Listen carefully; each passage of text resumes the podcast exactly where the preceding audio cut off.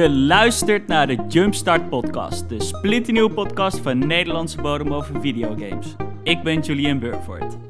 En ik ben Emiel van Dalen. Het is vandaag 29 september 2020 en deze week hebben we het onder andere over Microsoft en Bethesda. We zijn nog niet uitgepraat. PlayStation en Konami? Amazon, Luna, Series S en X hands-on impressions van de media en een terugblik naar de current gen in het algemeen. En ik heb uh, heel veel games gespeeld, uh, maar vooral Mafia Definitive Edition heb ik uitgespeeld. Dus daar gaan we het ook over hebben. Maar voordat we daaraan beginnen, before we jumpstart, how gaat het, Emiel? Ja man, het was echt weer een hele maffe week. Ik heb het idee dat ik de laatste tijd alleen maar maffe weken meemaak. Oh ja, wat nu uh, dan? Ja, nu ehm, uh, mijn vrouw uh, die had een behoorlijk kuchje ontwikkeld. Oh, oh. Dus ik ben afgelopen maandag naar de corona-teststraat gereden. Dus oh. ja, ze hebben vanavond de uitslag gekregen. Gelukkig negatief, dus ze heeft geen corona. Oké, okay. ja. Maar als maar je op de achtergrond zo af en toe een hond hoort blaffen, dan is dat mijn vrouw die haar hoest probeert te onderdrukken. Maar Oké. Okay. ja, nee, maar het was wel, het was maf man. Ik de eerste keer dat ik in zo'n teststraat stond, ik, was, ik schrok ervan hoe druk het was. Oh. Het is gewoon echt alsof je, uh, nou niet dat ik dat ooit zou doen hoor, maar op zo'n vrijdagavond zeg maar uh, uh, rond zes uur door de McDrive gaat. Nou, die wachtrij, die staat daar ook. Dat is echt bizar. Wauw, ja. Ja, ik, ja. ik weet niet hoe die straten eruit zien. Ik ben nog niet geweest. Ik heb er nog geen ah, je, kuchje je rijdt eigenlijk koudheid door, gehad, maar je rijdt door een soort partytent. En, daar, en dan in ja, die partytent moet je even stoppen. Dan komt er zo'n vrouw uh, Zijn er ook je, mensen in van die uh, gele uh, hazard suits ja. en zo? Ja, ze zijn helemaal netjes ja, beschermd gekleed. En ja. dan wordt er op het raampje getikt, raampje naar beneden. Hoppatee, zo'n zo'n enorme wattenstaaf achter in je neus en in je keel. en dan kun je doorrijden. Ik, ik had gehoord dat hij nat... ruimte voor een praatje. Het is ook, het is, je moet niet zeggen, nou, uh, hallo, en uh, hoe gaat dit? Nee, nee gewoon uh, raampje naar beneden, hoofd omhoog, hoppatee, watje erin. ik, ik, ik hoorde van iemand anders die hem ook al had gedaan, zo'n test, dat die wattenstaaf echt gewoon, bij, bij hem ging het in de neus. Um, ja. Maar dat hij gewoon letterlijk, hij zei, ja, ze, gaan, ze poken hem zo ver dat hij eigenlijk gewoon je brein bijna pookt. Ja, het is, ik, ik, want ik, ik stond ernaar te kijken. Want gelukkig was het natuurlijk niet bij mij, maar bij, bij, bij mijn vrouw. Ja. Maar hij gaat diep, jongen. Ja, niet oeh. normaal. maar zij voelde hem dus eigenlijk uh, meer achter in haar keel kriebelen dan okay. achter de oogbal, oh, dat... om het ja, zo maar te precies. zeggen. Maar uh, het, het, nou vol, het, ze vond het wel meevallen. Dus dat was wel. Gelukkig geen corona dus. nee, mooi man. En hoe is het met jou? Ja, um, goed. Um, insane week. Voor mij ook, want uh, ik heb een PC. Hey, het is gelukt. Wauw. ja, um, ik, weet je, ik, allereerst, uh, het is vet. Um, er zijn ook dingen die niet zo vet zijn. Maar goed, de, aan het einde van de podcast dan uh, ga ik daar nog genoeg over uh, uitweiden. Over mijn hele PC-building experience en hoe dat eigenlijk nou... Want dit is eigenlijk mijn eerste echte gaming PC. Dus ik ervaar oh, het ik allemaal zo nieuw. benieuwd naar je ervaringen. We hadden afgesproken dat we het er vooraf niet over zouden hebben. Dus ook voor mij Ja. is het zo meteen helemaal nieuw. Dus uh, nee, ik ben benieuwd, man. Ja, dus nou ja, goed, daar ga ik het ook zeker over hebben. Later. Maar um, we gaan beginnen met het nieuws, Emiel. Yes. Want uh, het is niet zo druk deze week. Ook niet nee. erg om even wat rustiger te hebben. Um, nee. it, it's been crazy, natuurlijk. Maar um, goed, vorige week natuurlijk. Het enorme, uh, ja, de, de big bomb uh, die even viel. Natuurlijk Microsoft en Bethesda. Ja, en, ja daar wordt geen ontkomen aan. Nee, precies. En goed, we zijn nu een weekje verder. Um, ik heb nog twee punten opgeschreven die we eigenlijk een beetje over het hoofd hebben gezien. Ik denk ook media in het algemeen, uh, ook Ja. wat dingen. Maar ik, misschien wil ik ook even aan jou gewoon even de vraag stellen van... Hoe, uh, alles heeft nu een beetje kunnen bezinken. Um, heb je nog wat toe te voegen eigenlijk? Of ja, wat, wat vind je van deze... Wat, vond je, wat vind je er nog steeds van? Ja, nou ja, een beetje terugkijkend op wat er gebeurd is. Ehm, ik vind het echt insane, nog steeds. En ik kreeg heel sterk het idee dat het Microsoft absoluut geen windeieren heeft gelegd. Ehm, dat het de hele discussie van Microsoft has no games, uh, dat dat ook een beetje voorbij is met, met, met deze aankoop. En dat je best wel merkt, zeg maar, dat door deze aankoop het qua content in ieder geval iets meer een evenredige uh, strijd is geworden met Sony. Hoewel ik wel vind dat de kwaliteit van de Sony games in het algemeen wel een lat hoger ligt dan die van Bethesda. Maar het ontloopt elkaar niet zoveel meer in verhouding hoe het eerst was. Ja. En ja, dat Microsoft wel een enorme stap heeft gemaakt in die strijd. Want ja, het, het valt mij op hoe opeens Microsoft positief in, in, op social media erin uh, in naar voren komt. En, en bij media outlets, waar het voorheen toch eigenlijk altijd een beetje negatieve stemming heerste rondom Microsoft, zie je nu dat iedereen een klein beetje aan het draaien is. En ik denk dat dat wel goed is. Overigens ook voor de Sony gamers, want um, Sony moet harder gaan lopen en dat is alleen maar goed voor iedereen. Um, dus nee, eh, ik ben er heel blij mee met deze aankoop. Ik denk echt dat ze een ja. grote stap hebben gemaakt. Ja, precies. Ik, ik denk ook zeker, we gaan deze next generation er echt heel anders in dan deze ja, gen. En denk ik ook. Uh, ik bedoel, uh, this gen is Xbox natuurlijk met een blunder begonnen eigenlijk. En daar zijn ze, eigenlijk zou je pas zeggen, vorig jaar misschien een beetje uit, uit, de, uit de put gekropen. Ja. Um, maar ja, ze, ik, ik heb er zin in. Ik, ik moet ook zeggen, na deze announcement, na eigenlijk toch de showcases van PlayStation en Microsoft. We hebben alles al wel zo'n beetje gezien. Nou, we komen er nog wel een beetje op terug bij Sony. Maar we hebben heel veel gezien. En ja, man, ik ben excited voor next gen. I'm ready, weet je wel. Ja. En um, it, ik weet niet, dit geeft ook gewoon wel een mooi startschot of zo. Um, allemaal. Nou, dat is het, zeg maar. Je merkt wel, en daarom vond ik de timing ook wel goed. Zeg maar. Je krijgt nu een soort van kookpunt in, in dat hele hype gebeuren rondom die next-gen consoles. Ja. En dat is wel mooi, want dat heb ik wel te lang gemist. Oh, ik zeker. vond de aanloop Ja. vond ik echt heel tammetjes van alle twee. Ja. Uh, maar ja, met dit nieuws was het echt in één keer hoppatee. Nou, nou schakel even een versnellingje hoger. En dat, dat was wel goed om te zien. Ja, zeker.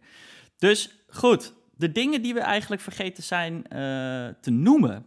En uh, ik wou toch nog even zeggen, is dat namelijk met de aankoop van Bethesda. Um, goed, ze hebben natuurlijk de IP, ze hebben de, de studio's, ze hebben de mensen, uh, talent die er natuurlijk werkt. Maar um, ZeniMax heeft ook nog twee hele mooie products in hun line. En dat zijn namelijk de game engines. Ja. En uh, het zat me toch een beetje, ik, ik, begon toch een beetje te denken van, oh shit. We hebben namelijk uh, ID Tech. Dat is eigenlijk de engine waar ja, alle Doom games op worden gebouwd. En bijvoorbeeld Rage. En zo zijn er nog een aantal andere games. En we hebben de Void Engine waar uh, Arcane bijvoorbeeld veel mee werkt. Uh, ik, ik meen dat Dishonored 2 en Prey daarin zijn gemaakt. Wat ook echt prachtige games zijn. En ja. die twee engines... Ja, weet je, het is net zoals um, bij Sony heeft... Um, God, hoe heet die studio nou? Uh, Guerrilla Games, die heeft natuurlijk uh, hun engine, waar ik dan ook even helaas de naam van ben vergeten. Maar, Geen idee hoe dat ding heet, maar ze hebben inderdaad een goede engine. Ze hebben een hele goede engine en die engine die gaan ze ook sharen met andere developers. Andere de devs en studios mogen daar gebruik van maken. En, ja, was dat niet die engine ook die... Uh... Death Stranding. Nou, Death Stranding, ja. Ik kon even niet op, uh, ja. op zijn naam komen. Oh, hoe heet hij nou, dat pedante mannetje? Uh, Kojima. Kojima, ja. Kojima. ja, die heeft die engine ook gebruikt. Ja. Precies. En um, ik, weet je, om toch even ID-tag en die Void Engine in je portfolio nu te hebben... Dat is wel nice hoor. Um, jij, jij zei het vorige week al een beetje van... Stel je voor um, Halo in gemaakt door de makers van Doom. Nou, denk ik niet dat dat per se een, een goed idee is, maar um, die engine is wel echt prachtig voor first-person shooters. Uh, ja, zeker.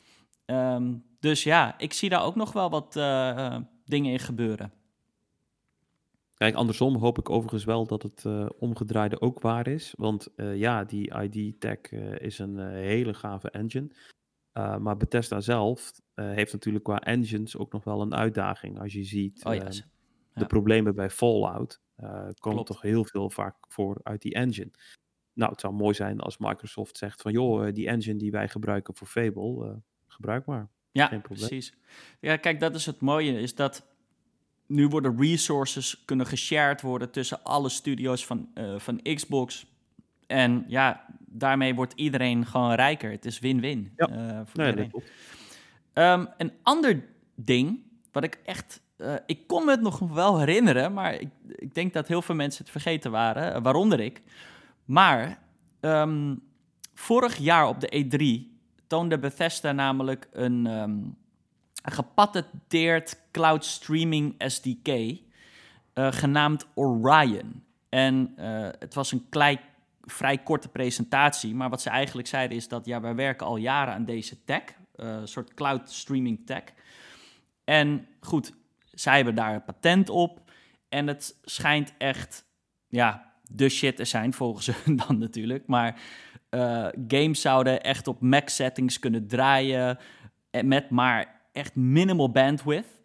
En goed, die tech, die heeft Microsoft nu ook in hun belt. Dus ze kunnen dat wellicht, die patent en eh, alles ook weer integreren met xCloud, waardoor xCloud ook weer beter wordt. Ja, dat is een hele interessante combinatie. Ik ben ook heel benieuwd wat dat gaat opleveren. Ja. Ehm, in die zin zeg maar, het is echt een, gewoon een hele goede move geweest. Die op meerdere fronten gewoon sens maakt. En ja, ik heb er echt hoge verwachting van. Denk wel dat het nog even gaat duren voordat we echt de vruchten kunnen plukken. Maar ja, als het helemaal begint te lopen, dan weet ik zeker dat we eh, genoeg hebben om naar uit te kijken. Ja, zeker. Wat is er nog meer gebeurd, Emiel? Nou, ook een beetje in reactie op dat Bethesda gebeuren, ehm, merkte je toch ook wel eh, dat eh, PlayStation gamers eh, een beetje, Waren hungry. ja, ik wou zeggen onrustig, maar dat was het niet. Eh, maar ja, zij, zij willen ook graag zo'n soort move zien vanuit eh, eh, Sony. Ehm, nu hebben ze natuurlijk eh, met de aankoop van Insomniac eh, destijds wel ook al een grote move gemaakt. Ik bedoel, dat is ook niet echt een kleine studio. Alleen, ehm, ja, mensen willen meer. En ehm, je merkt ook dat mensen het ook wel fijn zou vinden als PlayStation een studio zou aankopen of een uitgever die heel erg past bij Sony. Ja. Ehm, waar je dus ziet dat Microsoft zeg maar ook een Amerikaans of Canadees bedrijf als Bethesda of ZeniMax dan koopt, zou het sens maken als PlayStation bijvoorbeeld een Konami zou inlijven. En ja, Sony-fans eh, op social media, die, eh, die schreeuwen erom. ja.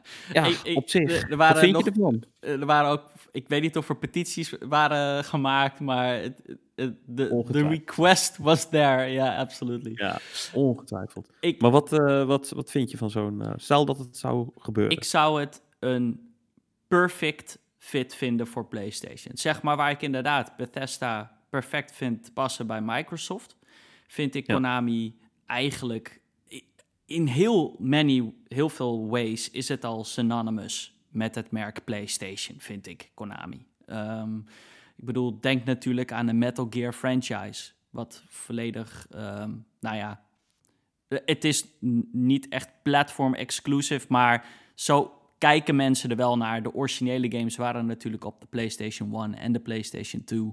Daarna werden ze geport naar andere eh, consoles. Maar ja, i- ik vind het passen. Ehm, net zoals dat Kojima, denk je ook PlayStation, denk je niet de Xbox, snap je? En Nee, maar bij Kojima stip je natuurlijk wel iets aan wat een beetje... Ja, een beetje wrang zou zijn bij Konami, denk ik. Want hij is daar natuurlijk op een hele slechte manier... eh, ja, Kojima. Kojima is out of the picture. ja, toch? Ja, Ja. al- Als, als Konami, dan, dan moeten ze die, op, die samenwerking met Kojima opzeggen. Ehm, ik weet niet of ze daar heel erg rouwig om zijn. Ik bedoel, eh, Death Stranding, hoe bijzonder die game ook was, die heeft het ook niet bijzonder goed gedaan.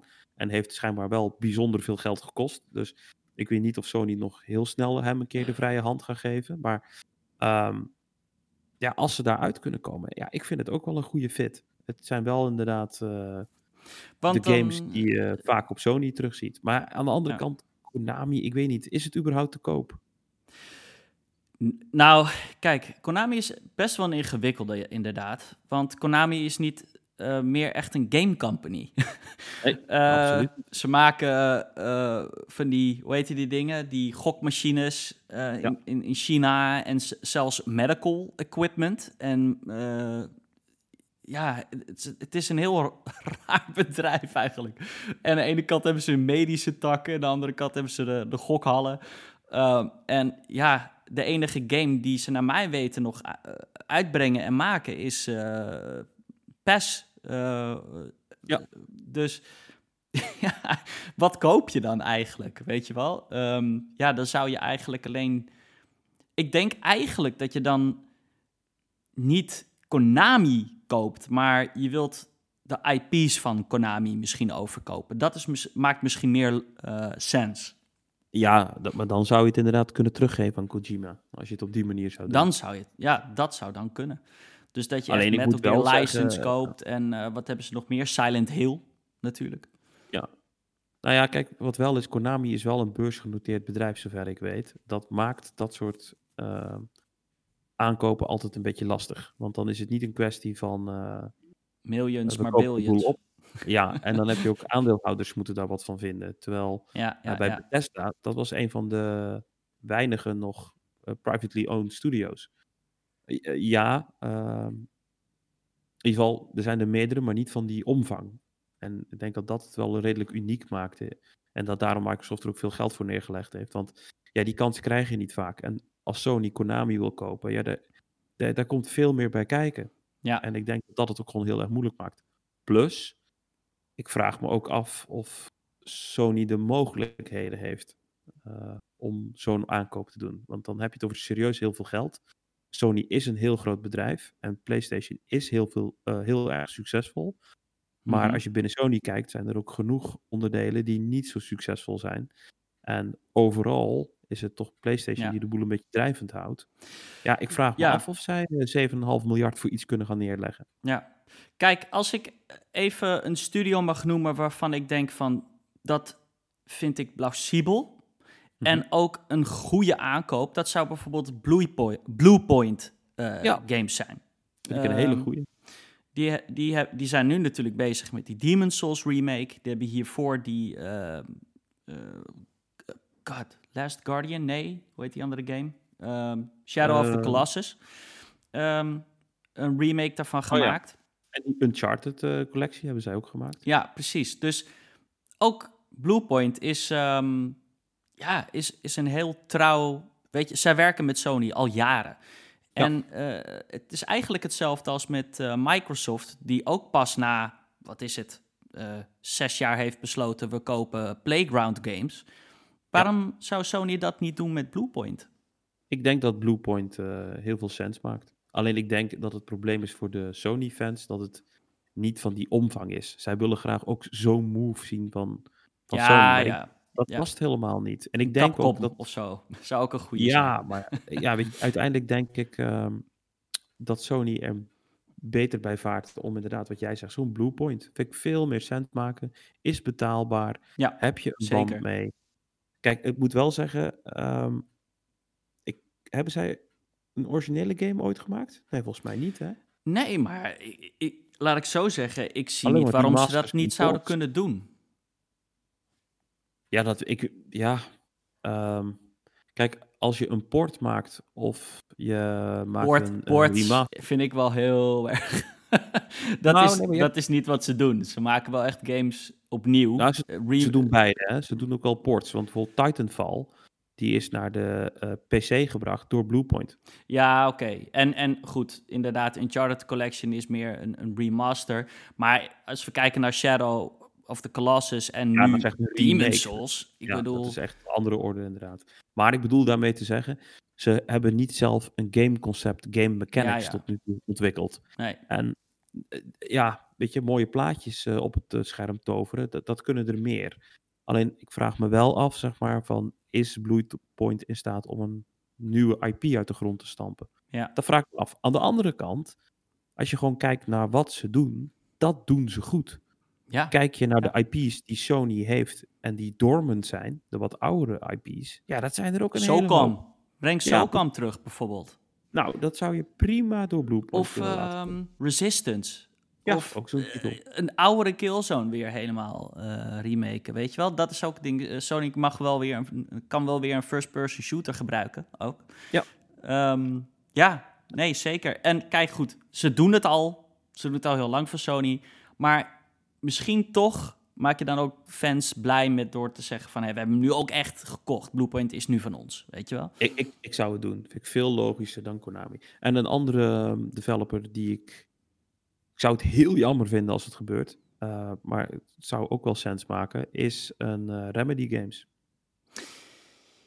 Oeh. Ja. ja, die, dat vind ik pijn doen dan. Want, ja, dat vind ik ook pijn. Ik vind dat, echt ook, dat vind ik echt de studio die... Nou, eigenlijk... Heeft om onafhankelijk te blijven. Ja, ik moet ook zeggen, ik vind het eigenlijk toch niet zo heel veel sens maken. Want... Nee? Nee, want um, Sony heeft al...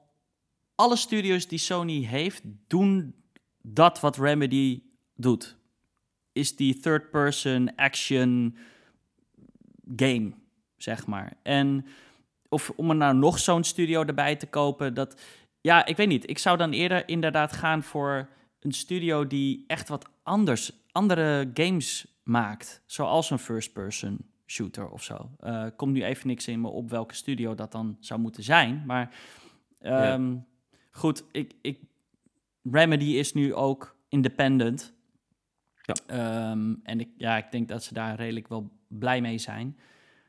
Ja, ja we moeten het zien. Alan Wake, uh, dat zou, laat ik zo zeggen, dat zou best wel, uh, dat doet de Xbox-fans wel uh, pijn als die, die sequel ineens dan een PlayStation exclusive zou zijn. Ja, ja, tegelijkertijd, want ja, je noemt nu het, het voorbeeld van Alan Wake. Ja, het is een van mijn favoriete games van de uh, vorige generatie. Mm -hmm. Um, tegelijkertijd is het een game die niet een enorm succes is geweest. Nee, Hetzelfde geldt voor Quantum Break. Um, min Ja. of meer ook een beetje voor Control. Kijk, Remedy, hoe gaaf ik hun games ook vind, die hebben gewoon nog niet echt een superhit gehad. Ja, Max Payne. Maar, ja, dat, ja, maar het ding is, daarom vind ik Remedy zo goed. Ik vind hun games, ik, ik vind het veel meer eh, arthouse. eh, ik vind het veel slimmer Eens. dan de meeste over de top blockbusters, zeg maar. Ja, met Ehm, name de verhalen vind ik altijd ja. heel erg goed. En ik vind ze, Klopt. kijk, die van Sony zijn ook goed. Zo'n zo'n Uncharted en ehm, Ja, Eh, maar Uncharted is, eh, hoe heet dat, National Treasure. Weet je wel, dat is... ja, De- in de kern wel, maar het is goed, het is goed Het uitgewerkt. is supergoed, maar het is meer, zeg maar, wat ik, wat ik zei, dat is meer Hollywood. En wat ehm, Ja. Remedy doet is meer arthouse, ehm, anders, ja. en ik hou daar Ja. ook van.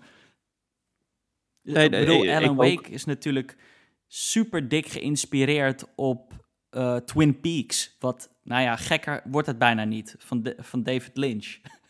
Ehm, Nou ja, dus- dat, dat is het wel zo. Uh, Wat, uh, w- waar ehm, ja, een Naughty Dog misschien dan de, de, de Steven Spielberg is van, van de gamesindustrie, is Remedy zeker de David Lynch van eh, ja, eh, ja, de gamesindustrie. Ja. Ehm, goed, nu we het toch over... We hadden het er net over Konami en remakes en studio's. Eh, er surfaced een, een, een rumor. En ik, ik heb het idee dat ik deze rumor al eerder eh, voorbij heb horen komen. Ja, we hebben hem volgens mij ook al een keer heel voorzichtig aangestipt in een van de vorige afleveringen. Ja, maar goed, nu toch wat meer geluiden weer. Eh, namelijk dat er Metal Gear Solid eh, wel eens met een remake zou kunnen krijgen.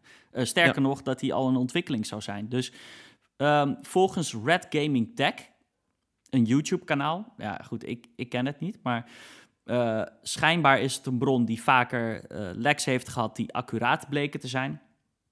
Ja. Is er dus een Metal Gear Solid remake in ontwikkeling, exclusief voor de PlayStation 5 eh, en PC. En ehm, goed, ik weet het, remakes, another one. Ik, Yep. ik moet zeggen, ik, ik weet dat we het er ook al eerder over hebben gehad. Toen, eh, ik weet dat jij er helemaal geen fan van, van bent. Maar ik moet toch zeggen dat er af en toe komen er wel echt goede remakes uit. Zoals bijvoorbeeld die Resident Evils. Ehm, en goed, Mafia, waar ik het later over ga hebben in de episode. En ja, van de ground-up Metal Gear Solid, wat ook echt een oude game is. Ehm, die is hij is natuurlijk al een keertje geremasterd voor de GameCube. Maar dat is de laatste versie ook. Ehm, ja, het is een classic. Maar ook die GameCube-versie en die PlayStation 1-versie, die zijn moeilijk om nu te spelen hoor. Dus als in die top-down camera view, klanky besturing. Stel je nou gewoon voor dat die game gewoon modernized wordt en uh, over-the-shoulder gameplay. Ja, ik, count me in. Uh, dat wil ik wel. Ja, ik weet alleen niet of die exclusive gaat worden. Uh, en dat link ik een beetje aan een rumor die op een gegeven moment ook de ronde ging rondom Silent Hill. Waarin uh, Konami klaarblijkelijk had gezegd: joh, Sony, prima. Want die wilden ze, Silent Hill wilden ze gaan laten maken door Sony Japan, als ik me niet vergis. En daarvoor zou Konami hebben gezegd: nou prima, jullie mogen onze IP gebruiken maar niet full exclusive. Dus dat het mocht een timed exclusive zijn, maar niet een full exclusive. Ehm, dus als ze dat zeggen voor Silent Hill, dan kan ik me zomaar ook voorstellen dat ze datzelfde argument gaan gebruiken bij Metal Gear Solid. Ja, goed, goed. De, de uh, Red, Red Gaming Tech, die dit dus leaken, die zeggen dat het voor de PlayStation 5 en PC komt. Maar goed, zoals wij al hebben geleerd, als dat bekend is, kan het ook gewoon betekenen dat het timed exclusive is. Net zoals Final Fantasy en al die andere games. Dus uh, ja, je kan wel eens gelijk hebben dat het later naar Xbox komt. Dat kan. Dat zal moeten blijken. Maar uh, al met al lijkt het me wel leuk. Na nou, trouwens, nee. Nee, ik hoef geen remake. Ik wilde zeggen, het lijkt me leuk omdat het Metal Gear Solid is. Maar nee man, kappen met die remakes. Het, ik vind het gewoon zo weinig toevoegen. En ik snap wat je zegt hoor. Het kan, het kan ook zeker goed zijn. Alleen ik ben gewoon heel erg bang dat als die remakes maar blijven verkopen, dan gaan we ook alleen maar remakes krijgen.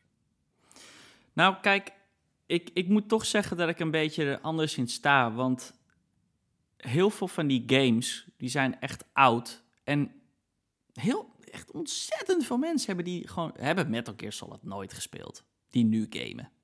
ik bedoel, wij hebben hem gespeeld, maar wij zijn ook 30 jaar.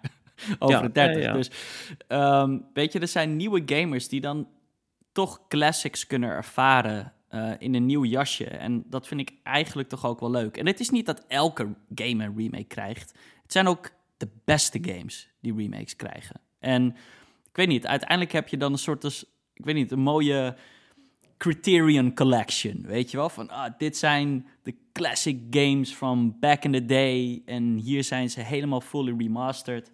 Um, nou, ja, misschien ben ik daar nog wel een beetje gevoelig voor dat als een game oud genoeg is, dat ik het dan wel oké vind. Ja. Maar, ik bedoel, wie zit er nou te wachten op een, een remake van uh, Bioshock, een remake van Batman Arkham? Weet je wel, denk ik? Ja, nee, dat, nee, dat klopt. Nee, nee, dat is, weet je, over 30 jaar uh, wil ik je nog wel een keer horen hierover. Maar, maar niet uh, alsjeblieft de komende vijf jaar.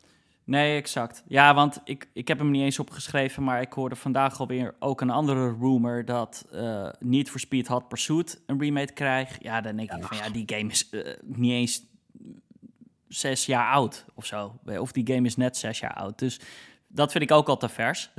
Ja, nee, precies. Uh, maar ja, klopt. Da daar heb je wel eh, een punt. Wat is er nog meer gebeurd, Emiel? Nou, uh, Amazon die heeft een nieuwe cloud gaming service gelanceerd, genaamd Luna. Um, en daarmee ook een beetje de concurrentie aangegaan, onder andere met een, uh, een Game Pass of xCloud. Um, dus dat is wel interessant. Om en Stadia, met name, natuurlijk. En Stadia, oh die vergeet ik steeds. Maar iedereen vergeet Stadia. ja. Maar dat maakt niet uit, het is zeker wel. Maar het is, dit kan wel heel interessant worden, want ik kan me nog heel goed herinneren, volgens mij was het quote op een gegeven moment van Phil Spencer, die op een gegeven moment heeft laten vallen van, ja, weet je, wij, beschouwen Sony niet echt als concurrent. Uh, eerder Amazon, Apple, dat soort bedrijven. En als je kijkt naar die cloud uh, gaming service, ja, dan heeft Microsoft er met Amazon wel een, uh, een concurrent bij, die zich in één keer heel erg aan het manifesteren is. En ik moet ook zeggen, redelijk goede deal. 6 euro per maand. Vind ik niet duur. Nee, het is, het is heel goedkoop. Dus even duur als een uh, Amazon Prime. Dat is ook zes.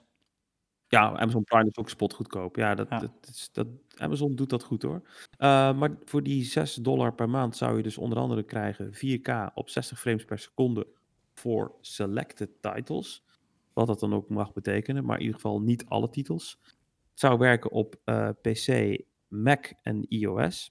Um, ik ja, dat is eigenlijk wel gek. Mac vind ik dan weer heel gek, want dat kan toch niet? Want... Nou, het, het gekke is dat ze hier zeggen iOS first en Android later. Maar dan denk je van, ja, hoe komt deze dan wel op iOS, maar xCloud niet?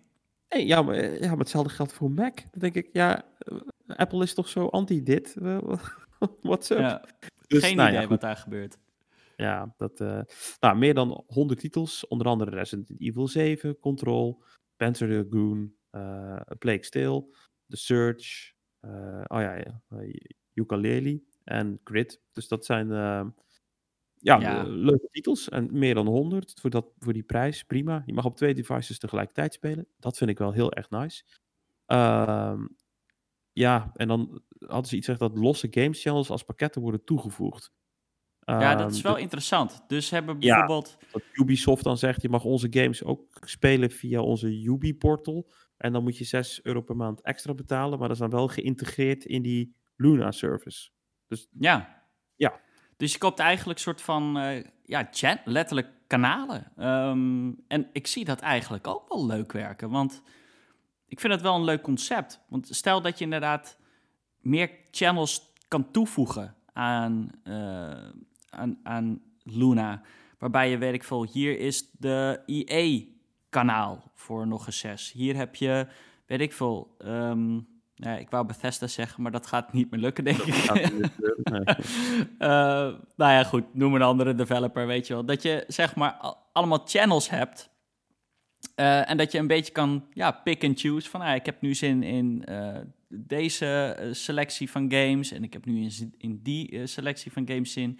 En ja, wat je zegt, 6 dollar per maand is het overigens. Het, het, is nog niet bekend wanneer dit naar Europa komt. Het is voor op het moment ook alleen in beta in Amerika. Maar um, ja, laat ik zo zeggen, ze doen het al beter dan Stadia. ja, ja, kijk, dit moet, moet nog even in werking zien. Alleen, ja, dit, dit, dit, rijtje wat ze zo opzommen voor dat bedrag, ja, ik vind het heel prima. En die channels, het is inderdaad, kan heel erg leuk zijn. Ik vraag me alleen wel af, als uh, Ubisoft een channel krijgt via Luna, betekent dat ook dat ze dan op een gegeven moment gaan zeggen, dan uh, kun je onze games daar spelen en betaal je ons die abonnementskosten. Uh, en gaan we dus niet meer games aanbieden via Game Pass. Mm, waarom, zou waarom zou ze dat doen?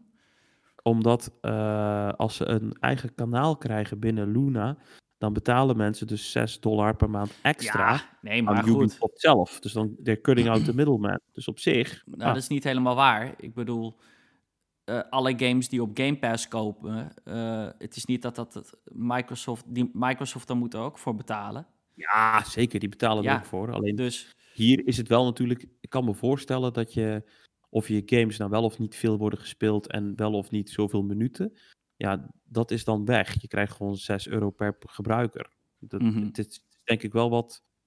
Ik ja. kan me voorstellen dat dit, als je, uh, als je niet allemaal toppers hebt, kan dit uh, pakket interessanter zijn als publisher. Omdat ja, je dan precies. meer soort gegarandeerde inkomsten hebt. Terwijl, zover ik weet, is het bij Game Pass wel je krijgt gewoon betaald naar het aantal minuten dat jouw game gespeeld wordt. Ja, ja, ja. Ja, maar ja, goed, dat moet blijken. Ze hebben ook een controller. Lijkt heel erg op een. Um, het lijkt gewoon op de Switch Pro controller eigenlijk, maar dan met een beetje paarse knoppen. ja.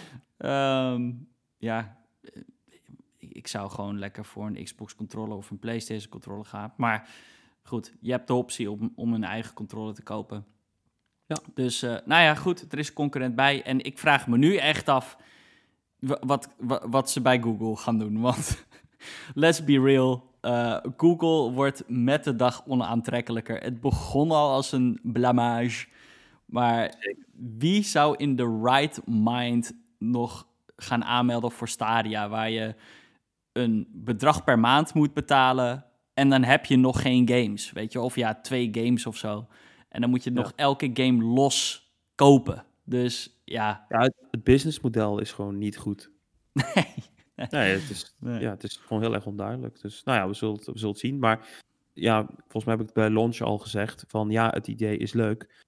Maar de ervaring is, als iets eh, na anderhalf jaar niet werkt, dan trekt Google gewoon de stekker eruit. Ja, precies. They don't care. Media heeft hun handen. eh of, nou ja, they got the Series S en X, Emiel. Ehm, gisteren kwam alles tegelijkertijd eh, online. Van, ehm, nou ja, eh, Verge, eh, GameSpot. Ik zag dat eh CNET had een hands-on IGN. Dus een paar kanalen hadden ja, met de Series S en X mogen spelen. En staat En- onze Series X dan bij jou? Of zijn ze gewoon vergeten er eentje op te sturen? Ja, nou, dat ik vind het eigenlijk ook wel heel erg vervelend. Want goed, we zijn de grootste podcast van heel Nederland. En het feit dat Phil Spencer ons geen, eh, ons geen eh, Xbox heeft gestuurd, vind ik wel een beetje kwalijk. Dus Phil Spencer, Ja. ik weet dat je luistert. Want eh, een... Waar, waar, waar blijft die Series X? Ja, De- man. Doe niet zo flauw. Nee, maar nee, ja, nee, even jokes aside. ehm, eh, ze hebben dus met de consoles kunnen spelen. helaas niet echt nieuwe games of zo kunnen doen. Maar ja, wel natuurlijk uitvoerig back, backcompat uitgeprobeerd. En van, ja, eh, hoe, hoe gaat dat werken? De UI natuurlijk. Hoe snel boot de Xbox? Laadtijden, al die shit. Dus Ja. ja, Eh, nou, eh, de, de, de ervaringen waren ja, vooral heel erg positief, had ik het idee. Ik heb eigenlijk niemand horen klagen.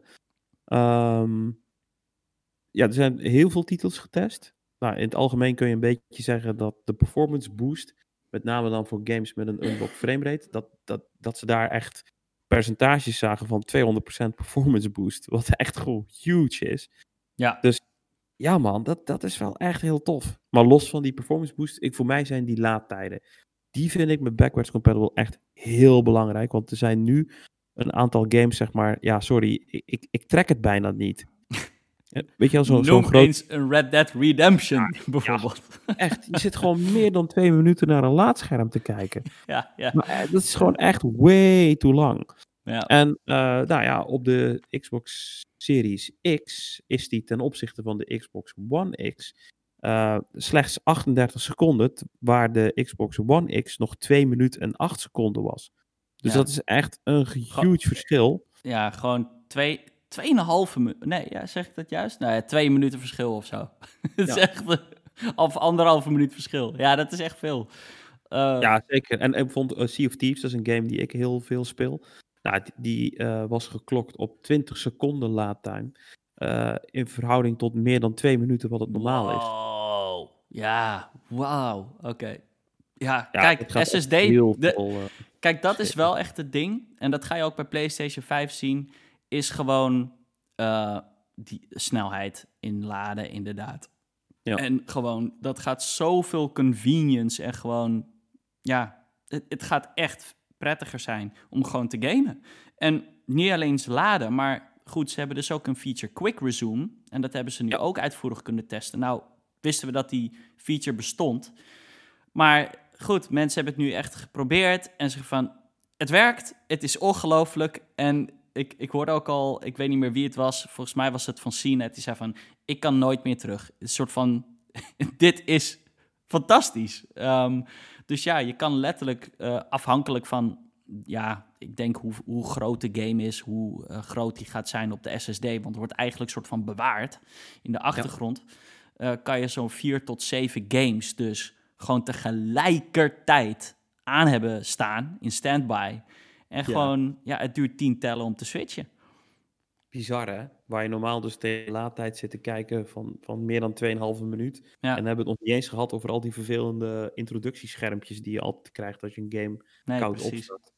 En, Ja, echt en, heel en, bizar. en het sikke is ook al helemaal, zelfs als je Xbox een reboot moet doen, gewoon cold boot en eh, zelfs een system update of zo krijgt, blijven die games eh, eh, in standby.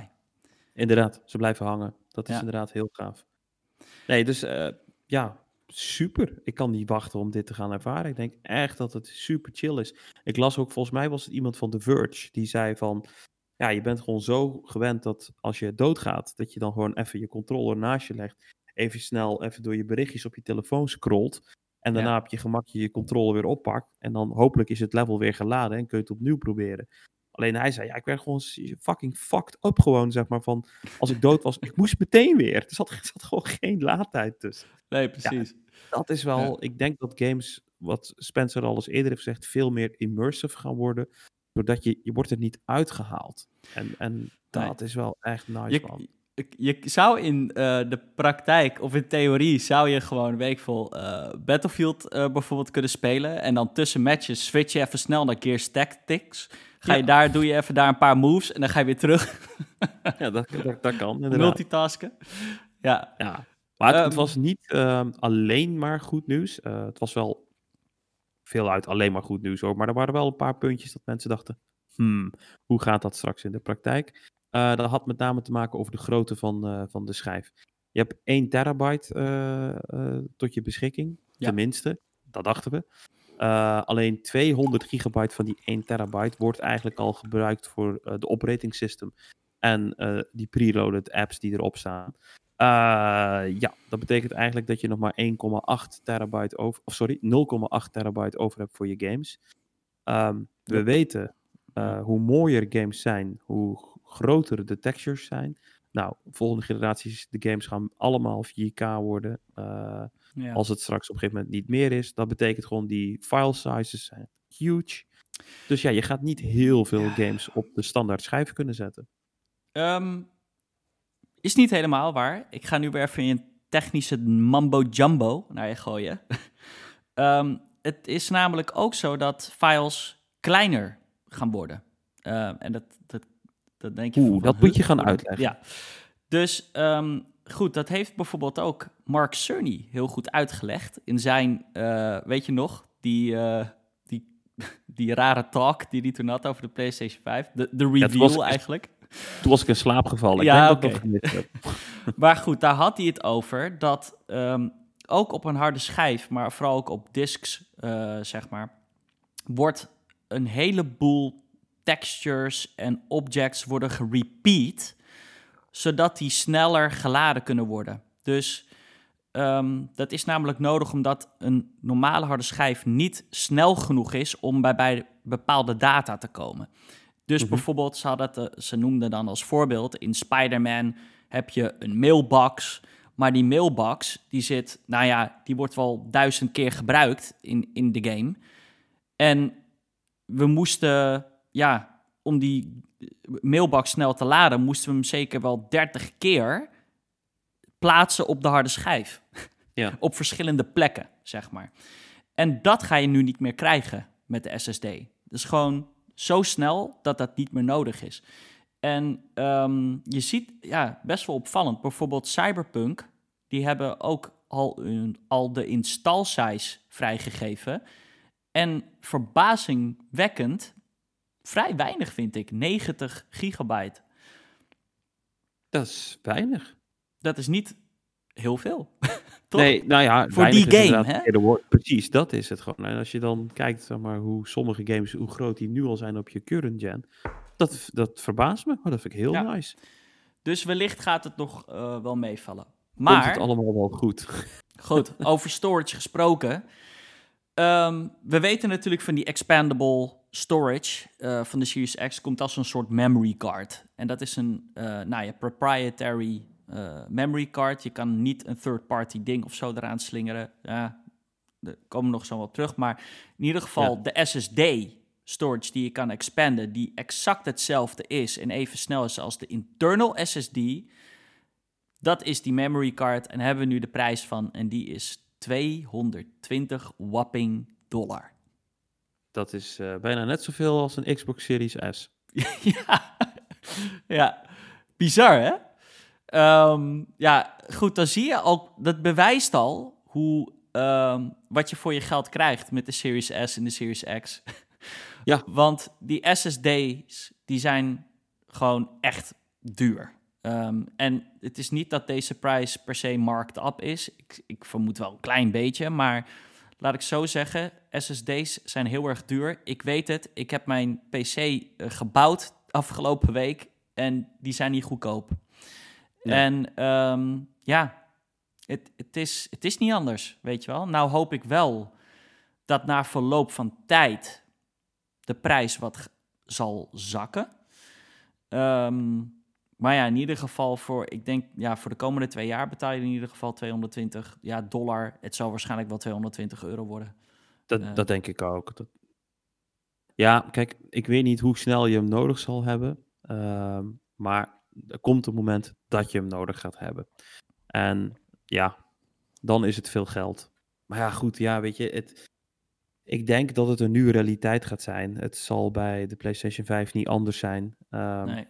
Ja, man, het, het is de, de, de nieuwe werkelijkheid. Price of next gen. ja, dat denk ik wel. Nu zijn er wel uh, leuke uh, workarounds. Uh, want zoals je weet, je kunt ook gewoon een externe USB-schijf eraan hangen, gewoon een normale. Um, alleen van die schijf kun je dan niet de Xbox Series X games spelen. Wat wel kan, is dat je vanaf die schijf dan de backwards compatible games speelt. Maar dan uh, kun je niet maximaal profiteren van alles wat de Series X te bieden heeft wat betreft backward compatible games. Want daar zit ook een soort van enhanced versies in die door de hardware eigenlijk gesimuleerd worden. Maar dat kan dan niet als je het van die externe doet. Maar waarom een externe wel interessant kan zijn. Uh, stel, jij uh, gaat straks aan de hand aan de slag met uh, Halo Infinite. Die download je, die zet je op die interne SSD. Vervolgens ja, ben je een beetje klaar met die game. Heb je allemaal andere games gespeeld en wil je hem eigenlijk af en toe eens kunnen spelen. Wat je dan niet wil, is dat die op je interne schijf blijft staan. Want die game zal ook waarschijnlijk best wel groot zijn. En ja, als je hem niet dagelijks gebruikt, dan is dat zonde. Want andere games wil je dat wel mee kunnen doen. Dus wat je dan zou moeten doen, normaal gezien, is hem gewoon uh, ja, deinstalleren. En als je hem weer een keer wil spelen, dan moet je weer gaan downloaden vanuit de cloud. Moet je wachten en dan kun je weer aan de slag. Maar wat je ook kan doen, in plaats van deinstalleren, is dat je hem naar je uh, externe schijf gaat transporteren. En dat schijnt redelijk snel te gaan. Als in, in ieder geval sneller dan helemaal opnieuw downloaden. Dus wat je dan doet, dan zet je hem naar je externe. Duurt ongeveer een minuut of zeven. En uh, als je die game weer wil spelen, dan plaats je hem van je externe terug naar de SSD. Dat, dat duurt dan ietsjes langer schijnbaar, omdat die uh, externe schijf natuurlijk wat langzamer is in het schrijven. Um, maar goed, dan zou je alles bij elkaar misschien 10 minuutjes moeten wachten. En dan kun je de game alsnog spelen vanaf je interne schijf, doordat je eigenlijk steeds een beetje gaat swappen met games. Ja, het duurt lang, maar het is steeds sneller dan dat je een game helemaal ga, opnieuw gaat downloaden. Nou, ik vind dat niet lang. Ik bedoel, kijk, als jij van SSD nou, naar SSD is het maar twee minuten. Um, en external ja. SSD's zijn echt niet meer zo duur. Dat, dat, die kan je gewoon uh, van Samsung kan je die gewoon kopen. En um, goed, met een, een HDD is dat een ander verhaal. Maar ja, ik denk... Maar een externe SSD, daar betaal je toch ook nog wel 200 euro voor, of niet? Nee, Van nee dat, zijn andere, dat zijn andere prijzen. Kijk, die, je, je, je hebt regular SSD's, maar de SSD's... Ja. die zeg maar even snel zijn als die 220 kaart. Dat is NVMe SSD. Dat is weer een stapje ja, verder. Ja. Um, maar SSD's kan je tegenwoordig best wel zeker als je weekvol uh, even oplet met Black Friday of zo, wat eraan zit te komen. Dan, dan zijn die dingen altijd in de aanbieding. En dan kan je gewoon 4 terabyte weekvol. Dan kan je 4 terabyte voor 200 halen. Weet je wel? Dus ja, oh shit, ik zou man. Waarom zit ik dan al... Uh, ik zit al jaren te, te klootviolen met zo'n uh, hy hybride uh, schijf. Maar daar had ik helemaal niet hoeven doen okay. dan als ik jou... nee, nou ja, goed, sowieso. Um, gooi je harde schijven niet weg. Uh, want ja, je, je kan ze gewoon nog wel utilizen. Ja, nee, zeker. Nou ja, kijk, want die, die tijden die ik net noemde van 7 en 10 minuten... dat is inderdaad gewoon met een traditionele externe harde schijf...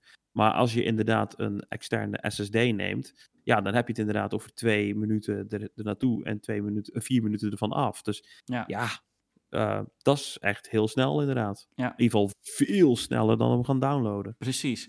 dus ja, we um, moeten gewoon wat creatief gaan worden.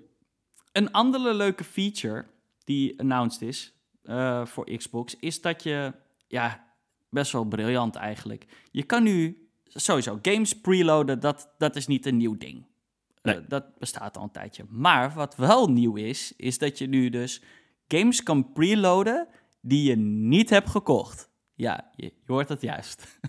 dus wat ze eigenlijk dachten, eh heel erg slim natuurlijk, is dat, oké, het is eigenlijk meer, het is eigenlijk meer bedoeld voor de mensen die physical discs willen kopen. Want dan kan je namelijk de game preloaden. En dan kom jij thuis met de disc wanneer de game uit is. Stop je hem erin, hoef je niks te downloaden, kan je meteen beginnen. Hm. Handig, Dat is op zich wel nice. Ja. Ja. Ja, ik zit alleen echt, ik zat even hardop na te denken van, oké, maar Dus hoe dat is eigenlijk... ik denk dat het een heel erg een soort nice to have heeft, maar gaat dit mijn gaming ervaring heel erg veranderen? Nee, Ah, natuurlijk niet. weet niet, Maar eh, het, is, het is op zich een, eh, een, een leuke toevoeging. Zeker voor de mensen die eh, fysiek graag nog een games willen kopen.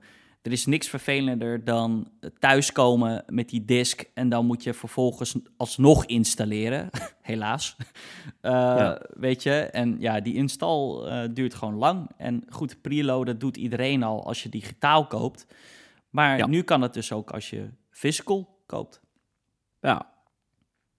Oh, ik zit wel te denken, maar dat betekent ook dat je day one patches natuurlijk al downloadt dan. Ja, precies. Oh, ja. dan vind ik het wel nice. Want daar word ik echt knettergek van. Dan heb je een game, dan heb je hem geïnstalleerd, denk je, yes, we kunnen. Oh nee, ik moet nog eh, net zo lang eh, gaan wachten als wat ik nu al gedaan heb, want de day one patch moet gedownload en geïnstalleerd worden. Precies, ja. Dus nou, mooi als ik dat kan omzeilen. Oh, dat had ik niet bij stilstaan. Dan vind ik het heel nice. Ehm, Xbox is wel lekker bezig, hè, de laatste Ja. tijd. Niet normaal. Xbox is lekker bezig. En dat brengt eigenlijk naar ons volgende topic. Ehm, ik, en ja, het is stil, vind ik, Emiel. Rond Aan de PlayStation overkant. 5. Ja, Oh, aan, aan de ja. andere kant. Ehm, en ik weet niet wat het is. ehm, maar waarom hebben we de UI nog niet gezien van de PlayStation? Waar zijn video's van dat fucking ding? Weet je wel? Kijk, dat is ook het ding. Onze, sinds dat wij deze podcast eh, zijn gestart, hebben we elke week overwegend Xbox nieuws gehad. Omdat Xbox Ja. elke keer gewoon wat te vertellen heeft over de Series X en de S. Oh, hier zijn ze. Dit is hoe ze eruit zien. Nou goed, de PlayStation hebben we gezien, maar ze zijn echt transparant van... Oké, hier zie je de binnenkant, hoe de workings zijn. Oh ja, hier hebben we een paar YouTube-kanalen ding. Hier, ze kunnen al spelen. Eh, we krijgen impressions. We weten hoe backcompat gaat werken. Al dat soort dingen. En ik eh, begin een beetje ongeduldig te worden, man. Ik wil, ik wil de PlayStation 5 zien. Ik wil, bij, ik wil mensen zien met dat apparaat. ik wil, weet je, we hebben alleen die korte video gezien van Jeff Keighley, waarbij hij ehm, eh, die... In zijn eh, controller aan het blazen was. ja, in zijn controle aan het blazen was. En that's it, weet je wel. Ehm, we weten niet hoe eh, de system boot. We weten niet hoe backcompat eigenlijk nog steeds gaat werken, weet je wel. Ehm, Nee. Hoe zit het met save states? Wat is er aan de hand daar? Of ja, is, zit ik nu gewoon voor niks een beetje een soort van ehm, ja, te piekeren? ehm, of is er daadwerkelijk een reden dat het zo stil is? Nou, er, er is in ieder geval iets aan de hand. Dat kan bijna niet anders, want ik vind het, ik vind het wel heel erg opvallend. Het is inderdaad heel stil op dit moment. Ehm, een aantal dingen kan ik begrijpen. Hè, van waarom hebben we nog niemand die console zien vasthouden? Ik denk echt dat dat komt omdat ze dat liever niet laten zien. Uh, want die console is gewoon echt groot. En die is echt heel groot. En weet je, als je maten afleest, dan denk je, oh ja, nou, ja, het klinkt wel fors, maar we weten nog niet echt hoe het eruit ziet. Maar op het moment dat je vergelijkingsmateriaal hebt, omdat die, of iemand houdt hem vast, of het staat naast iemand, dan lijkt dat echt Maar die, die, die, die video's komen toch vroeg of laat. Ehm, Ja, maar dan hebben mensen waarschijnlijk al gekocht.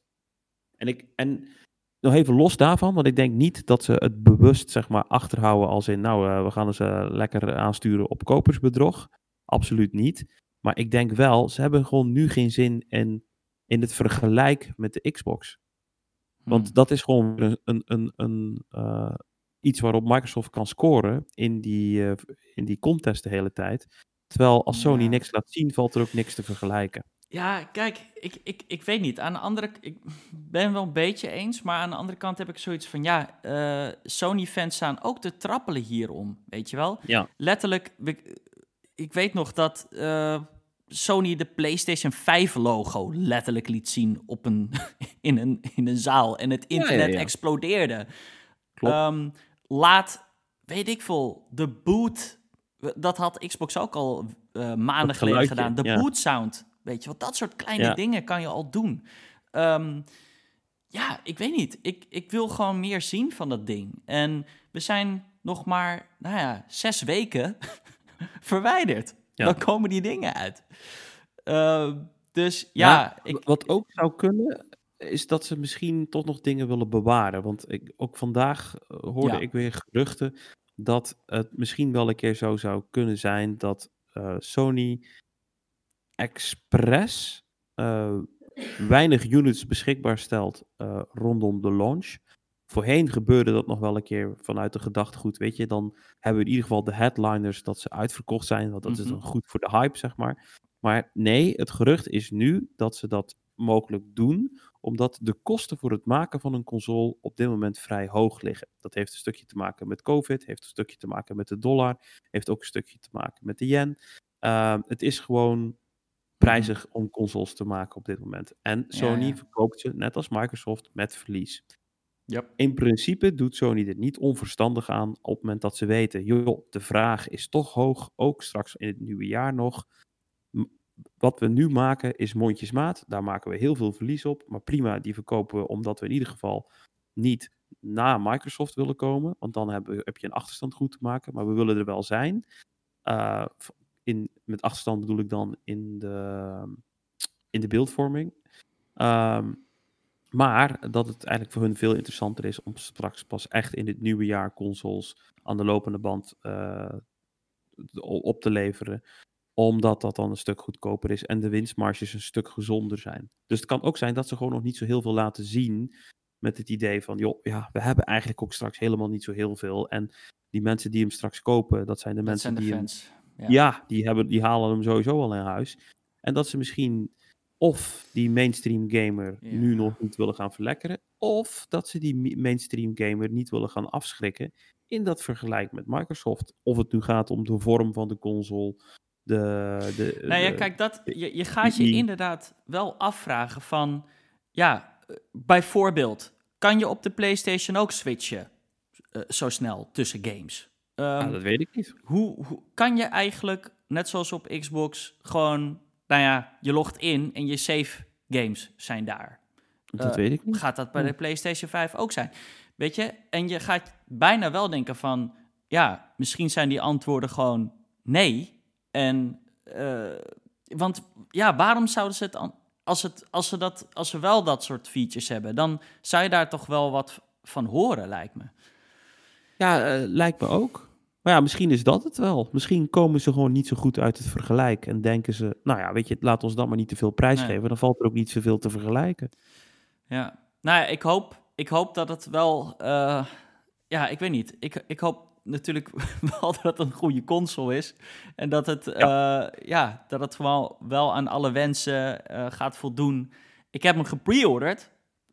dus ja, ehm, goed. Het, het, Maar, maar, maar dit alleen al, hè, als je gewoon kijkt zeg maar, van hoe we nu over de PlayStation 5 praten en hoe we nu over de Xbox Series X praten.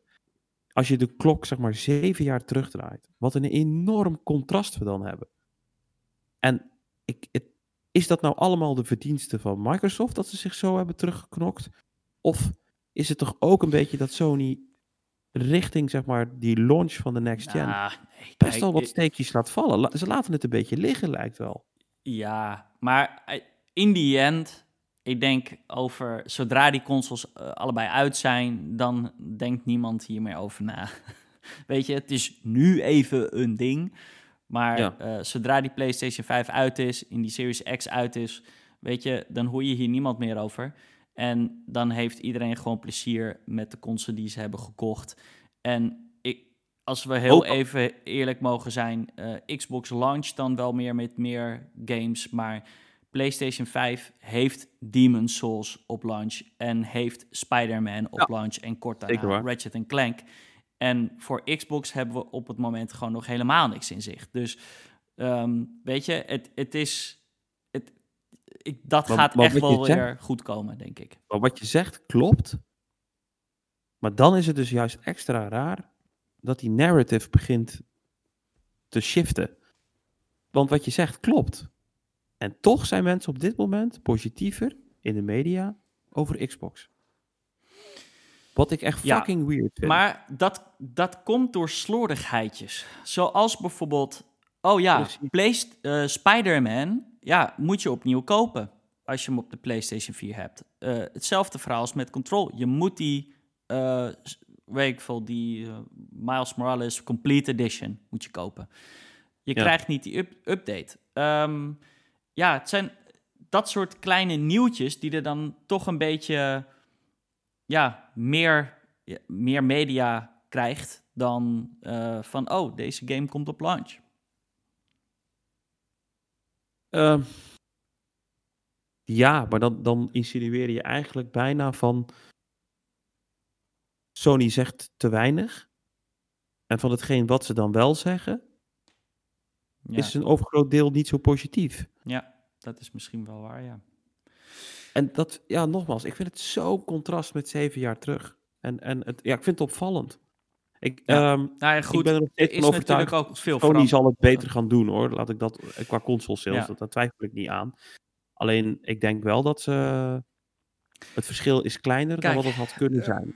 Het, er is ook veel veranderd bij Sony. Ehm, alle execs eh, van, wat is het, twee jaar terug, die zijn weg. En toen kwam Jim Ryan ervoor in de plaats. Dus goed, eh, we hebben eigenlijk eh, nog niet zo heel veel gezien onder zijn... eh, ja, we hebben nog niet zoveel van zijn vruchten gezien ook, zeg maar. Van, van Jim Ryan, wat hij voor PlayStation gaat doen. Hoe ziet de future eruit van de PlayStation onder Jim Ryan? En ehm, ja, misschien is, gaat dat toch anders zijn.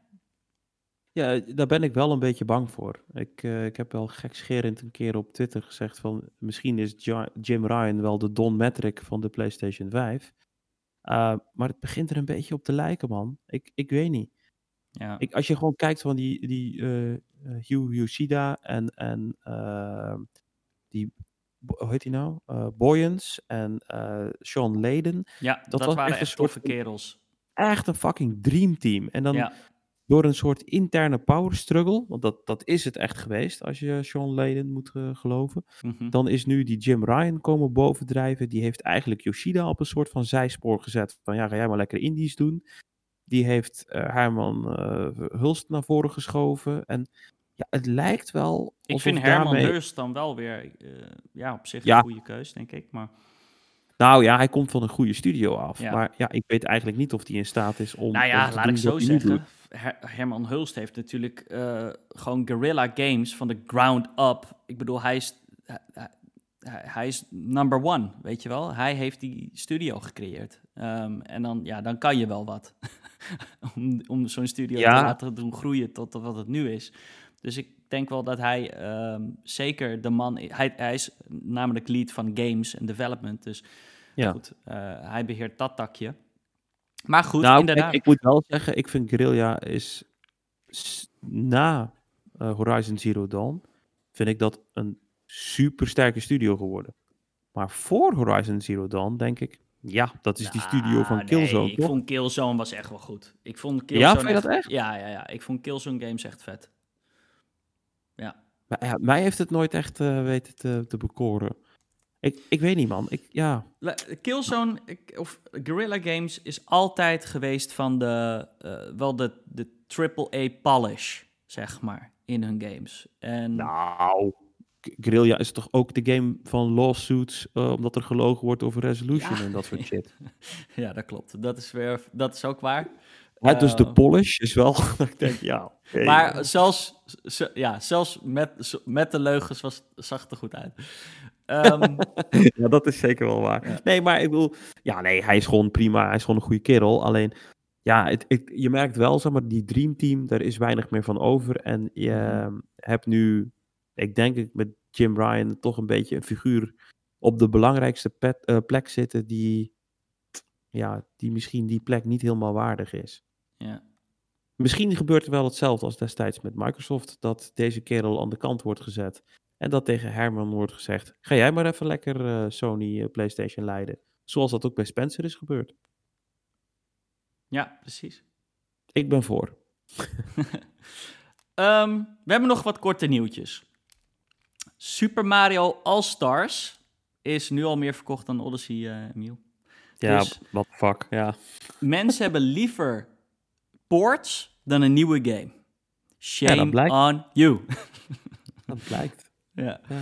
Ehm, Nintendo had ook een andere game geprijsd, eh, ja, een soort van surprise release, eh, Kirby Fighters 2. Ik had de trailer ervan gekeken, ik wist niet eens dat er een deel 1 bestond, maar het is echt eigenlijk gewoon een Smash, eh, het leek meer op Smash DLC, maar het is wel een standalone game. Het is gewoon een Smash-esque game met alleen maar Kirby characters. Ik vond het heel apart. Ja, Doe dan inderdaad een paar Kirby characters in Smash. Maar goed, eh, Ja. dit is ook oké. Ehm, Left 4 Dead, dit is eigenlijk ook wel een geinige, heeft ook een surprise expansion gekregen. Want, nou ja, hoe oud is die game wel niet inmiddels? 12 Oh, jaar dat is ook een 14 360 jaar? game. Ja, dat is echt wel een tijdje eh, terug. Anyway, ehm, heeft een expansion gekregen genaamd The Last Stand. En die he- is allemaal gemaakt door fans. Eh, en die wordt dus nu gewoon officieel onder, eh, ja, onder Source verkocht. Ja, dat, dat vind ik wel cool. Ik hou daar wel van. Volgens mij hebben ze, hebben ze dat niet ooit ook met Duke Nukem ook een keer gedaan. Dat die ook zo'n expansion kreeg met alleen maar Duke Nukem? Oh, ik me niet Ja, meer herinneren, nee. Nou, je hebt natuurlijk wel eh, Gary's mod voor Half-Life. ja, ook die nog, ja. ja, je hebt ook een paar Half-Life games. Je hebt namelijk ook die... God... Project Mesa, weer een ander ding, geloof ik, is ook van, door fans gemaakt. Wat weer een soort... Ook weer een raar vervolg is op, op Half-Life. Dus ja, ze... eh, ehm, sorry, eh, ik kom niet uit mijn woorden. Steam eh, laat, ja, laat het vaker toe. Wat ik ook heel erg Ja. cool vind, ja. Ehm, we hebben een datum voor EA Play. Die naar Game Pass. Ultimate gaat komen. Ja. En dat gaat nu gebeuren op 10 november. Dus net op tijd voor eh, Next Gen. Ja, dat is de launch van de next gen. Dus dat, oh, eh, sterker leuk nog, ja. gedaan. Ja. Zelfde dag. Nee, dus dezelfde dag. Het is een eh, launch title, zullen we maar zeggen. Wat zijn Nee, de dat- releases of the week, Emiel? Nou, Super Mario Bros. eh 35 Anniversary Edition is dat volgens mij toch? Nee, dat is die, eh, ja, dat is die gekke game waar we het over hadden. Die soort Ja, ja, ja, Battle. Royale. Ja, Ja, maar dat is wel eh, vanwege de 35-jarige verjaardag, geloof ik. Ja, dus die komt 1 oktober uit. Eh, gevolgd op door Crash Bandicoot nummer 4, It's About Time, op 2 oktober. En dan 3 oktober, daar zit ik heel erg op te wachten. Star Wars Squadrons. ja. Zit je Heel daarop te wachten? Ja man, ik vond X-Wing versus TIE Fighter, dat waren echt mijn soort games. En, eh, Dat is toch super oud, Emiel? nee man. Ja, maar daarom hebben we nu Squadrons. En dat, dat, is dan, dat lijkt erop. Ja, ja, ja. Nou, dan, eh, Het, het voor ding is, hipsters, net als jij, bent. ik, ik heb ook nostalgia voor Squadron games, maar dan op de N64, daar had je er ook echt twee of drie. Je had eh, de Battle oh, daar had je Naboo. Squadron, bedoel je? Ja, nee, ja, je had, ja, je had Rogue Squadron, dan had je Rogue Squadron Battle for Naboo op eh, de N64. Die had ik allebei gespeeld, die vond ik heel vet. En dan had je daarna nog eh, Rogue Leader, heette die volgens mij, op de Gamecube. Dat was toen een launch title. Ehm, Ja. Ook een super goede game. Dus ik kijk hier eigenlijk ook wel uit. Ja, het is, eh, het is een titel waar ik van denk, oh ja, dat zijn de momenten waar ik denk, jammer dat ik geen VR-set heb. maar goed. ehm, En overigens, 40 eh, euro geloof ik, niet full priced. Deze prima game. prijsje. Ja. Ja. En dan komt er 6 oktober een game waar ik ook wel naar uitkijk. En dat is Baldur's Gate nummer 3 voor de PC. Ja, da- daar hebben ze... ehm, eerder dit jaar hadden ze daar best wel een lange demo nog van gegeven. Dat was vlak voor corona, geloof ik.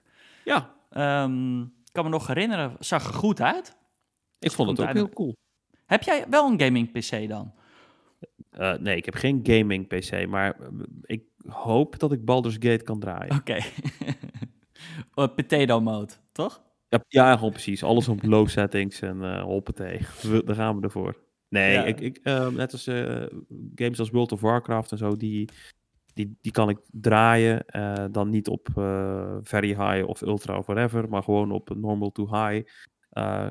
trekt mijn pc'tje dat toch. Dus ik hoop Ja. Baldur's Gate 3 ook. Maar ja. Nou, weet je, ik ga dan meteen een mooi bruggetje slaan naar eh, wat we hebben gespeeld eh, de afgelopen week. Want mijn PC, Emiel, kan wel alles op ultra.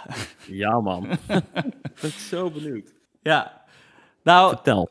ja, ehm, het, het bouwen zelf. Ik, ik moet heel eerlijk bekennen, ik heb het niet gedaan. Eh, een, eh, een vriend van mij die er meer verstand van heeft, die dit vaak heeft gedaan. eh Shout-out Mirko, ik weet niet of je luistert, maar eh, bedankt. Want goed, hij heeft het voor mij eigenlijk in elkaar gezet. Ik heb meer toegegeven en af en toe een schroefje aangegeven. Ehm, maar goed, ik heb wel nu gezien hoe, hoe, het, hoe het helemaal werkt. En nou, de, de, de eerstvolgende gaming PC over whatever, zes jaar, die kan ik wel zelf doen. Ehm, en het is Oh. vrij makkelijk. Eh, het, het is allemaal, ja, het is not much to it, really. En ehm, ja, jongen, eenmaal dat ding in elkaar gezet, natuurlijk meteen aan. En ja, goed. Dit is dus een beetje... Deed hij het? Nou, hij deed het. Hij deed het meteen. Dus dat, dat, is, dat was helemaal goed. Maar je wordt wel even gewelkomd met Windows. Nou ben ik... ik ben sowieso een Mac-guy, dus eh, ik zit sowieso Oh. niet op Windows. Dus eh, Ja. ik heb daar al eigenlijk al een soort van... eh, weet je wel? Maar ehm, goed. Het ding is, het is, de experience is heel anders dan console, uiteraard. Ehm, Ja. En goed, mensen die al op PC en console gamen, hè, dat zal voor hun allemaal geen nieuw, nieuw nieuws zijn. Maar goed, voor mij dus wel. Was gewoon van ja, ik wil, ik, ik zie nu eigenlijk wat de verschillen zijn. Natuurlijk, je zit op een PC, het is geen console. Je moet patches installeren. En dan bedoel ik niet game patches, je moet drivers installeren. Oh, ik had in het begin ook gewoon gedoe met. Oh, de audio werkt niet helemaal goed. Ik moet hier een driver installeren. Oh, Ja. internet werkt voor geen meter. Ik heb echt, ik zweer het je, ik denk een uur lang allemaal video's en YouTube en tutorial pages langs gegaan met hacks en dingen om mijn intersnel, internetsnelheid op normaal te krijgen, weet je wel? Ja. Ehm, de Microsoft Store, dat moet ik ook echt even zeggen. Want ik heb dit vaker gehoord van mensen die op PC gamen. Van, ehm, oh, die Microsoft Store is zo erg en uh, ik, ik, ik, ik ga daar niet eh, wat op kopen. En dan dacht ik, ach joh, aanstellen ritus, weet je wel. Want op de Xbox is de store, nou ja, eh, gewoon heel erg fijn. Ja. Maar nee, ik kan inderdaad ook zeggen nu, de Microsoft Store, ik heb nog nooit zo'n slechte UI en eh, store gezien. Het is echt, echt heel kut, Emiel. Nee, dat had ik je wel kunnen het vertellen. Ik vind die store inderdaad tergend gewoon. Eh, maar ik vraag me dan ook af, waarom maken ze daar niet die Xbox Store voor in de plaats? Want ik kan me heel goed voorstellen dat je gewoon letterlijk om die reden al geen games zou willen kopen op die store. Dus ik denk dat Microsoft daar überhaupt heel veel geld op misloopt. En Game Pass loopt helaas ook via die store. En dat is niet een mooie pagina met een overzichtje van alle games eh, die je kan spelen. Nee, het is echt een rommeltje. Sommige games stonden er niet een- eens tussen waarvan ik wist dat ze wel op Game Pass beschikbaar waren. Dus dan moest ik gewoon zelf searchen en dan naar die pagina van die game toe en dan via die manier downloaden. Echt vreselijk. Dus weet je, dat zijn de nadelen. Ehm, Ja. Maar zodra de game geïnstalleerd is en je drukt op start, dan is het een heel ander verhaal. Want jongen, jongen, ik heb een aantal games gespeeld. Natuurlijk heb ik de graphical powerhouses getest. Battlefield 5. Control, Red Dead Redemption, Flight Simulator en de nieuwe Mafia, waar ik sowieso wat dieper op inga. Maar het maakte niet uit wat ik deze PC te voeden gaf. Automatisch zette de, zette de PC alles op ultra, 4K, raytracing, al die shit. 60 frames per seconde. Het is, ja, ik, ik, ik, zo vaak dat ik gewoon letterlijk gewoon naar het scherm zit te staren van, hey, ik, ik, ik ben al next gen aan het spelen. En je zou denken, want een heleboel van deze games heb ik ook op de Xbox One X gespeeld. Ja. Ehm, en dan, ja, ik dacht in mijn hoofd, achter verschil, het, het zal allemaal wel meevallen, weet je wel.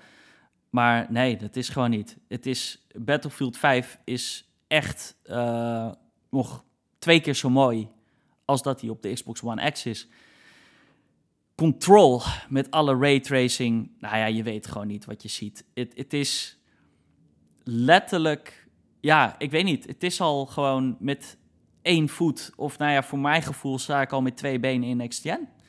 En, ja, um, kan ik me voorstellen. Ja.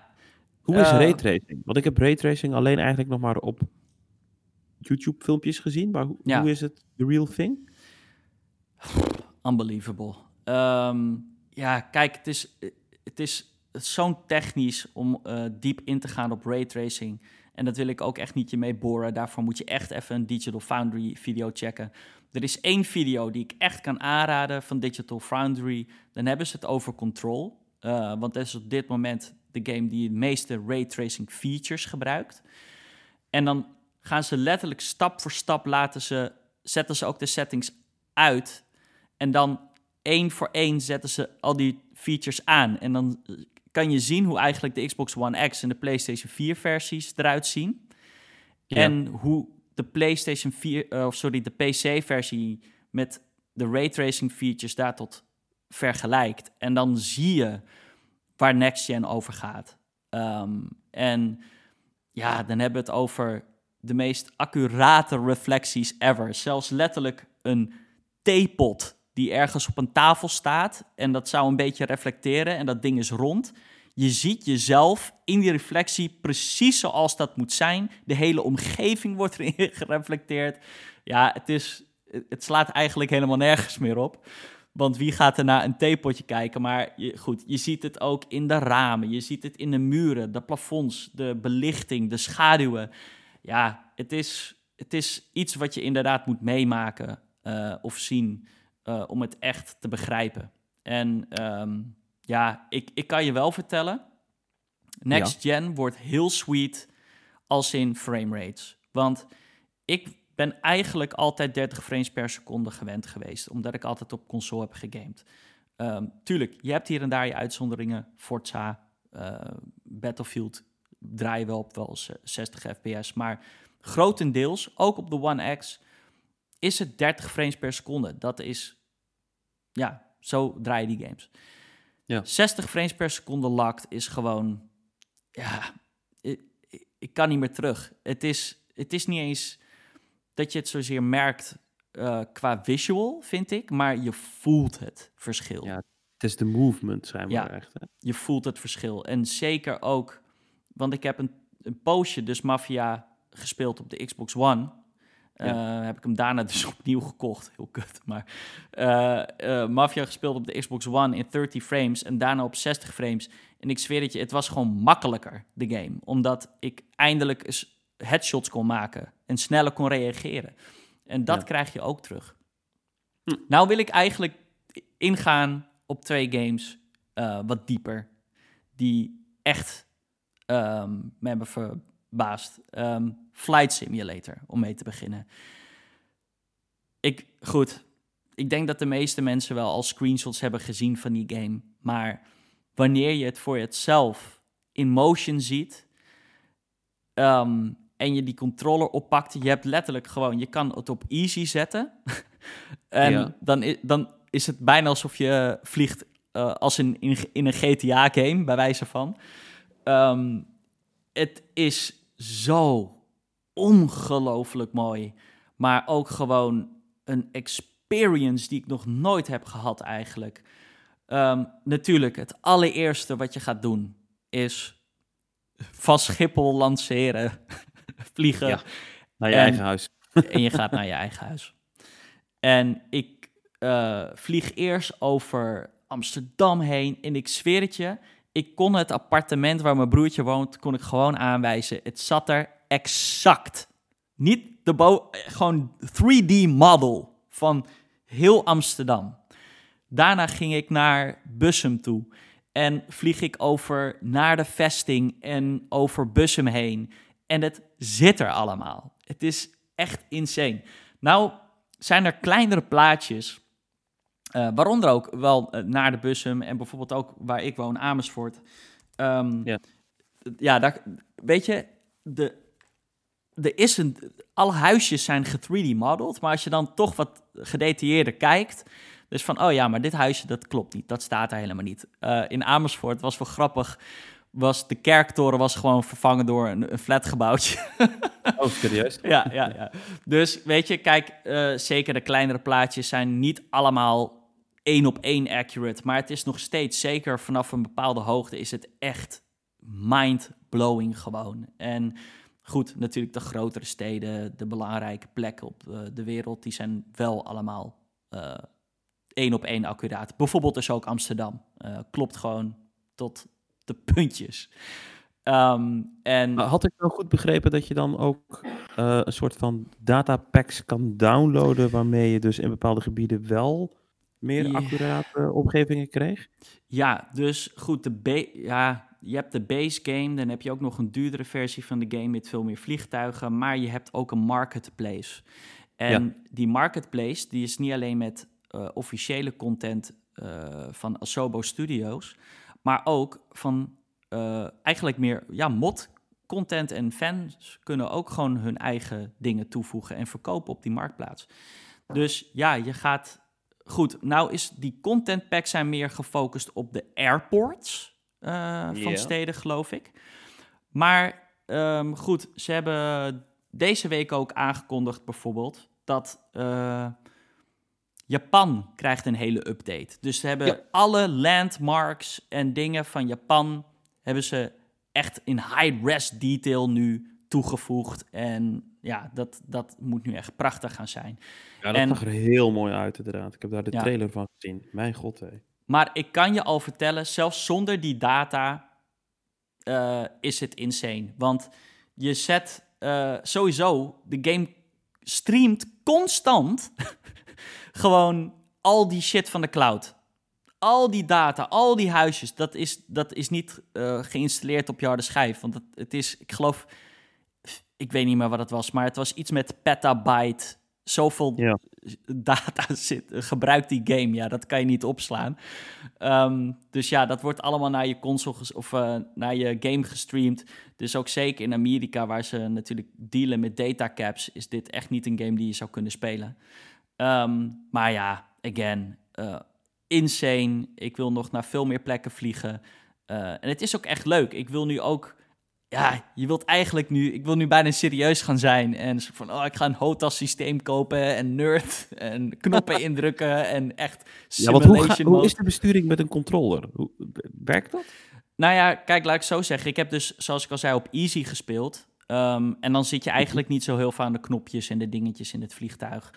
Dus ja, dan is het gewoon letterlijk van, ja, je, je geeft gas, je, je, je remt en je stuurt. Eh, en je kan eh, pitch doen en yawn en al die dingen. Dat kan gewoon allemaal prima met de controller. Het bestuurt dan in, in feite niet heel anders dan, zoals ik al zei, zoals je een vliegtuig bestuurt in GTA. Ik weet dat het heel Ja. erg raar klinkt, maar ehm, ja, Maar, dus heel... dat gezegd hebben, goed te doen. kun je je plane echt crashen?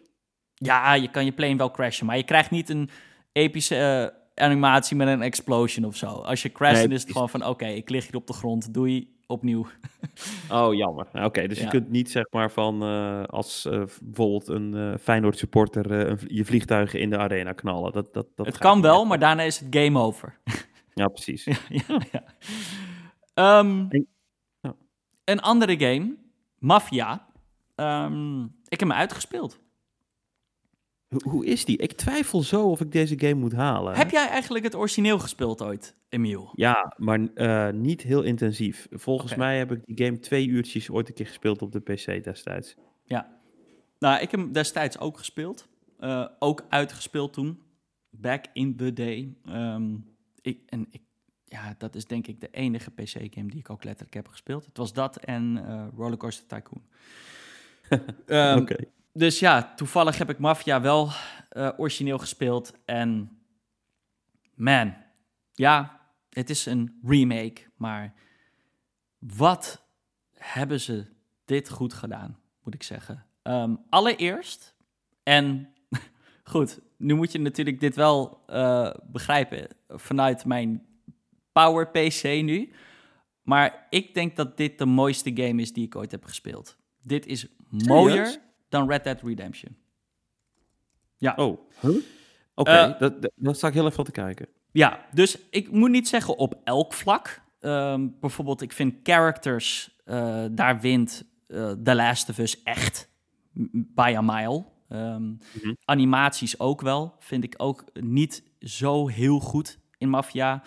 Ehm, bijvoorbeeld dingen zoals facial animations. Het is niet slecht, maar het is niet dat je denkt van... oké, dit is super eh insane. Maar de wereld ehm, wordt echt gedisplayed op een niveau dat je denkt van... nou ja, dit is, dit is belachelijk. Eh, de lighting vooral. ehm, als in, zeg maar... Ik, ik weet niet wat het is, maar de zon en hoe de lucht is in die game... je kan gewoon voelen van... het is vandaag 30 graden, eh twee uur. Je, je voelt het en je ziet het aan de belichting. Ehm, en het is zo... Ja, het is unbelievable. Het is echt heel mooi gedaan. En goed, om even dus te gaan hebben... even graphics aside, eh, de game. Ehm, goed, het origineel was natuurlijk al supergoed. En dit is niet anders dan het origineel. Het, het, het volgt de story echt één op één. Eh, Ik geloof de enige verandering die ze hebben gedaan is eh, voice acting hebben ze hier en daar wat eh, gedaan. De original score is opnieuw opgenomen door een klein orkestje. Wat ook overigens een hele goede score is, moet ik zeggen. Voice acting, fantastisch gedaan. Maar de story is dus één op één. De map is ook één op één. Eh, dezelfde size, weet je wel. Dus het is niet een gigantische map. Maar ik denk dat daarom ook ze... Ja, misschien is het daarom ook zo mooi. Want ze hebben echt... Elke straat is in tot de detail eh, gemaakt. En ja, goed. Het, is nog steeds een hele goede game. Want Mafia is heel oud inmiddels. Ja. Ehm, en toch, toch was die game voor zijn tijd best wel ahead, of its time. En ja, dat zie je aan de remake. Want kan er eerlijk gezegd niet aan afzien dat dit een oude game is of een remake van een oude game. Ik dat mensen die voor het eerst gaan instappen en dit hun eerste ervaring is met Mafia, gaan dit echt een goede game vinden. Nou, moet ik zeggen, ehm, de game bestaat natuurlijk een beetje uit twee elements, twee, twee main things. Dat is natuurlijk het rijden, driving en shooting. Driven, echt goed. Ehm, ik, vind, ik vind dat ook altijd heel erg belangrijk in dit soort open world games, dat het goed voelt om rond te rijden in die auto's. En dat Niet zo'n auto die boven de straat zweeft, zeg maar. Nee, precies. En het voelt ook, de physics zijn goed, het voelt eh, weighty. Ehm, goed, we hebben het natuurlijk over auto's uit de jaren 30, weet je wel. Dus het zijn allemaal Ja. niet racebakken, maar je kan nog aardig hard eh, rijden met sommige auto's. En het voelt gewoon erg goed. Als jij de auto doet wat jij wil. Nou heb, je, heb ik wel op simulation mode gespeeld. Want je hebt ook arcade besturing, maar goed, dat, daar heb ik verder niet aan gezeten. Maar in simulation voelt het allemaal heel erg goed. Ehm, Shooting, voor de mensen die bekend zijn met Mafia 3, ehm, het is dat. Het is, ik denk dat ze daar niet zo heel veel aan hebben veranderd, eerlijk gezegd. En ik vond de shooting in Mafia 3 best wel oké. Ik zou eigenlijk zeggen, beetje vergelijkbaar met Red Dead Redemption, maar beter dan dat. Oké, dat Ja. is wel goed te horen. Want Red Dead Redemption vond ik nou niet per definitie een heel erg goed eh, intuïtief stuursysteem om de, de shootouts goed te doen. Nee, exact. Nou denk ik ook, ehm, dat is een, toch een beetje een ding met third-person shooters in het algemeen. Ehm, ja. het voelt nooit helemaal. Het is, het is geen first-person shooter, weet je wel. En je hebt dus ook inderdaad in de options auto-aim en eh, een beetje auto-aim en totaal off. Dus ik heb met een beetje auto-aim gespeeld. Ik Ja. moet zeggen, het duurt wel even om eraan te wennen. Eh, maar zodra je aan eh, de shootouts went, ehm, ja, had ik er verder geen problemen mee. Dan moet ik wel zeggen, ehm, het is wel een game die vraagt om headshots. Eh characters die gaan niet dood als je in de torso schiet, soms zelfs vier keer niet. Headshots is de game. Dus ja, je zit alleen maar headshots te maken en dat kan, vind ik soms wel een beetje jammer.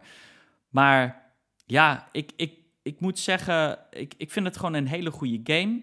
Eh, ik vind de main character. Ja, de characters in de game zijn redelijk goed, maar ik vind de main character een beetje niks zeggend. Daar heb ik verder niet zoveel mee. Maar de characters waar je mee samen zit in die gang, in de gangsters. Ehm, ja, die hebben wel gewoon een, een, een, story arc. En er zijn natuurlijk plot points. Ik bedoel, het is maffia shit. Natuurlijk gaat er iemand je backstabben. ehm, dat is geen verrassing natuurlijk. Maar eh, ja, al met al kan ik deze game eh, absoluut aanraden. Oké, en eh, hoe lang heb je erover gedaan? Wat is de play, playtime? Niet ongelooflijk lang is deze game ook. Ehm, ja, ik heb niet gekeken naar de playtime, maar ik, ik gok zes, zeven uurtjes. Zes uurtjes, denk ik. En ik heb dan op de moeilijkste difficulty ook gespeeld. Ik ben veel dood gegaan. Eh, dus ik denk dat als je hem op medium zou spelen, denk ik dat je hem zo rond de vijf uur eh, uit kan spelen. De Oh, game is overigens ook niet full priced, is eh, 40 euro. Dus Klinkt perfect. Sterker nog, ik denk dat ik hem ga kopen. nou, Ik heb me enthousiast gemaakt. Zeker. Dus ehm, ja, dat, dat waren de games. Mijn experiences met PC. En ja, wat heb jij gedaan, Emiel? Want jij hebt ook nog wat gespeeld. Ja, ik heb, ik heb zowaar ook nog eh, zitten gamen. Ehm, voor mijn doen ook best wel een beetje gevarieerd. Ehm, komt wel door Game Pass, als ik eerlijk ben. Eh, ik heb onder andere eh, Destiny 2 gespeeld. Die was op Game Pass toegevoegd. en ik wilde nog wat meer testen in de xCloud. Dus ik heb Destiny 2 zitten spelen. Ja, ten aanzien van GameCloud, ging, of xCloud, sorry, ging dat echt gewoon prima. Eh, nergens last van gehad. Alleen eh, na twee, drie uurtjes spelen dacht ik wel, nou ja, ik weet weer al waarom ik niet helemaal hooked was aan Destiny 1. En ik vind Destiny 2 toch ook heel erg aanvoelen als een soort van expansion dan een hele nieuw op zichzelf staande game. Het is echt, ja, hetgeen wat je kent van Destiny 1. Alleen dan, nou niet eens in een nieuw jasje, maar gewoon een, ja, een voortvloedsel daaruit. Ik, ja, het was prima, maar prima voor die twee uur, zeg maar. Daarna was ik er echt klaar mee. Eh, wat ik ook heb gespeeld op eh, in Game Pass, maar wel gewoon op de console, dus niet in de cloud, eh, was Wolfenstein, Youngblood. Ehm ik Ja. had, Daar heb ik ook wel wat van gespeeld. ja, ik vond het best leuk. Ehm ja, het speelde Het, prima het weg. is leuk omdat het schieten in Wolfenstein leuk is. Maar eh, daar is dan met Youngblood ook wel alles mee gezegd. Want ik vind de rest... Want ik heb hem... ik- ja, ik heb een paar uurtjes eh, gespeeld. eh, een maandje terug of zo. Ehm, maar ze, ze hebben allemaal van die... Het is meer een soort... Ze hebben RPG-elements toegevoegd in de game. Ja. Dat je denkt van, why? Eh, mensen met health bars en met deze guy moet je weer dit wapen gebruiken. En Ja, ja, nee, ik dat, weet niet. dat vond ik ook anders dan wat ik gewend was eh, van Wolfenstein. Ehm, ja, aan de andere kant vind ik ehm, de lompigheid erin, vind, vind ik, spreekt me dan wel weer aan hoor. Ja, oké, tuurlijk. eh, Fuck en Nazis en... Ja, precies Ja, dat. dat vind ik ook vet. het is wel leuk gedaan op zich. Alleen ik vraag me ook wel af, story-wise, ze maken best wel een time jump ten opzichte van waar de vorige game eindigde. Oh ja, zeker. Ja. Ehm, ik vraag me ook wel af, wat betekent dit voor de nieuwe Wolfenstein? Ja, Gaat komt het er een nieuwe? in- Komt er een Ja, nieuwe? We Ik weten mag, het toch niet? ik mag toch hopen van wel eh, nadat Xbox ze gekocht heeft. Het zou stom zijn als ze niks met Wolfenstein gaan doen. Maar misschien ehm, een reboot. Misschien toch weer Return to Castle Wolfenstein. Zou ik prima vinden als we zo'n... Nee. Oh, Return to Castle Wolfenstein. Ja, dat is weer Ja. heel anders. Ja, Ja. Dat dan ga je... eh, God, Himmler. Was het Ja, in die game. Ja, nou, zoiets, zoiets zou ik op zich wel geestig vinden. En ik heb Ja. deze week Animal Crossing zitten spelen. Oh, Ehm, voor het eerst? ja. nee, niet voor het eerst. eh, wel voor het eerst serieus. Eh, en dat kwam eigenlijk... eh, mijn, mijn dochter is er gek van, dus die speelt eh, ja, dagelijks Animal Crossing. ja. Ja, alleen eh, ja, ze liep toch een beetje tegen een soort grindwall aan. En ze had ook niet helemaal door van hoe je nou al die nieuwe plannen vrijspeelt. Want je kunt eh, heel veel craften in die game, maar dan Ja. moet je eerst allemaal van die, ja, van die grind questjes doen voordat je die dingen echt vrijspeelt. En ze wilde een groter huis, dus eh, papa werd aan het werk gezet. Oh, Oké, dat is nog early game. Ja, ja, ja, ja. Ja, maar ik moet wel zeggen, ik, ik, ik vond het, eh, ja, het is, het is tedious, maar het is daardoor wel heel erg ontspannen of zo, weet je wel. Je zit gewoon een Ja. beetje laid back. Oh, weet je, ik ga een beetje steentjes verzamelen, een beetje hout. Oh, ik kan nog even vissen, oh, een paar vlindertjes en zo. Ja, op een of andere manier, het is wel... Ja, Ja. we- de Animal Crossing is echt gemaakt eh, om elke dag eh, gewoon even te spelen. Ehm, Ja. En daar, daar, als je, dat, als je dat, die geduld hebt en je vindt dat leuk, dan is dit een fantastische game. Ik, ik was er na, ik zou zeggen, twee weekjes was ik er klaar mee. Ehm, ik vond het te langzaam gaan. Ehm, maar ja, dan het is is het gewoon niet voor mij. Dat, dat is het ding. Ja. Want het, het doet verder niks af aan de game. Ik vind, ik vind het namelijk ook heel erg eh, leuk. Toen ik het. Ja. Ik vond die, die twee weken dat ik het heb gespeeld, vond ik het leuk. Maar ik moet wel zeggen, kijk, ik, ik, ehm, ik vond het rustgevend en zo. Maar ik snap niet helemaal wat nou de appeal is aan die game, als ik eerlijk ben. Jawel, man. Gewoon cutie. Ja, gewoon dat. a- alles is lief en vriendelijk. En dat is ook het ding. Die game kwam uit op de meest opportune time. Toen net corona uitbrak.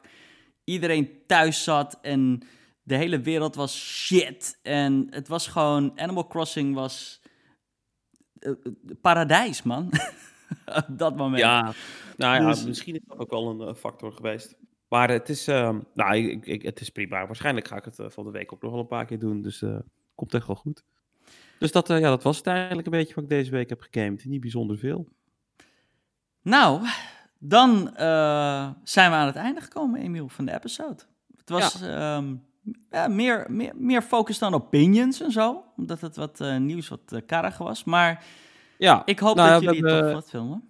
We hebben één topic natuurlijk eh, wel aangestipt in de intro, maar zijn we niet aan toegekomen. Dat is de terugblik op de current gen. Ehm, we beloven dat we dat waarschijnlijk in de volgende aflevering gaan oppakken.